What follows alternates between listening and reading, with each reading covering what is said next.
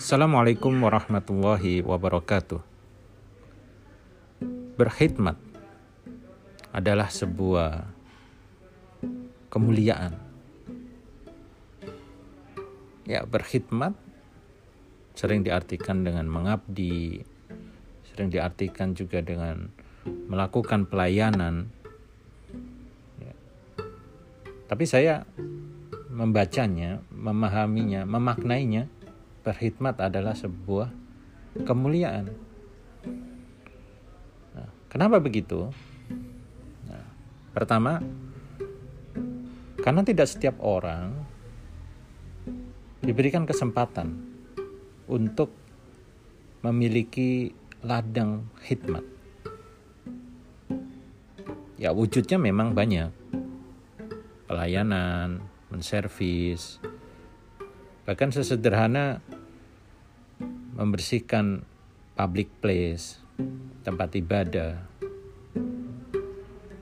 Atau yang rumit-rumit, misalnya kita mengabdi kepada bangsa ini, negara, ya, atau masyarakat membuat satu uh, karya inovasi teknologi misalnya atau inovasi aturan yang mempengaruhi dampaknya mempengaruhi kehidupan masyarakat. Ya itu definisi hikmat secara luas. Tapi balik lagi poin pertama adalah hikmat ini kesempatan. Ya. Tapi sayangnya banyak. Kemudian di antara kita menganggap ini adalah sebuah kewajiban, sebuah beban, atau bahkan sebuah hukuman. Ketika kita harus kerja bakti, membersihkan lingkungan, kita lihatnya sebagai apa? Iya, banyak sudut pandangnya, tapi kali ini saya mau mengajak kita memandangnya itu sebagai sebuah kesempatan. Nah, orang-orang yang mendapatkan kesempatan untuk berkhidmat itu mendapatkan kemuliaan.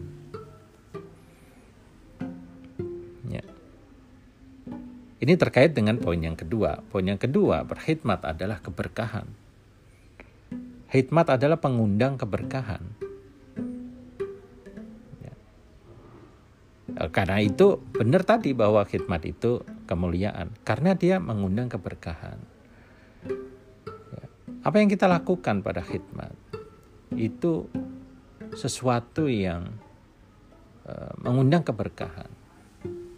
Ada beberapa sahabat-sahabat saya yang melakukan khidmat di di layanan umum, termasuk juga di masjid di tempat ibadah, nggak mau dibayar. Kenapa? Karena katanya kalau dibayar, nanti kalau dibayar secara material, nanti bayaran berupa keberkahan itu jadi terhalangi, jadi nggak dapat dia. Jadi dia ngotot nggak mau dibayar. Nah ini menarik ketika seseorang sudah tertancap di dalam mindset dan hatinya bahwa khidmat adalah keberkahan, dia melakukan dengan penuh sukacita, bahkan tadi nggak mau dibayar. Eh, karena pemahamannya tadi. Oke. Nah, yang ketiga eh, puncaknya ya, setelah hikmat adalah sebuah opportunity kemuliaan, hikmat adalah sebuah opportunity keberkahan. Nah, yang ketiga hikmat itu adalah ungkapan terima kasih kita kepada alam semesta. Jadi kalau satu dan dua tadi kita mindsetnya masih mindset pedagang ya, meskipun itu udah mulia banget ya. Mindset pedagang yang level rendah kan uh, trading dengan uang, dengan gaji, dengan bayaran.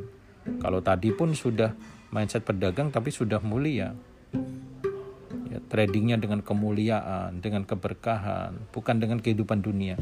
Tapi yang ketiga ini uh, hikmat ditempatkan sebagai sebuah ungkapan terima kasih. Jadi ketika melakukan hikmat itu karena kita merasa diri kita ini sudah menerima terlebih dahulu. Makanya kita harus do something.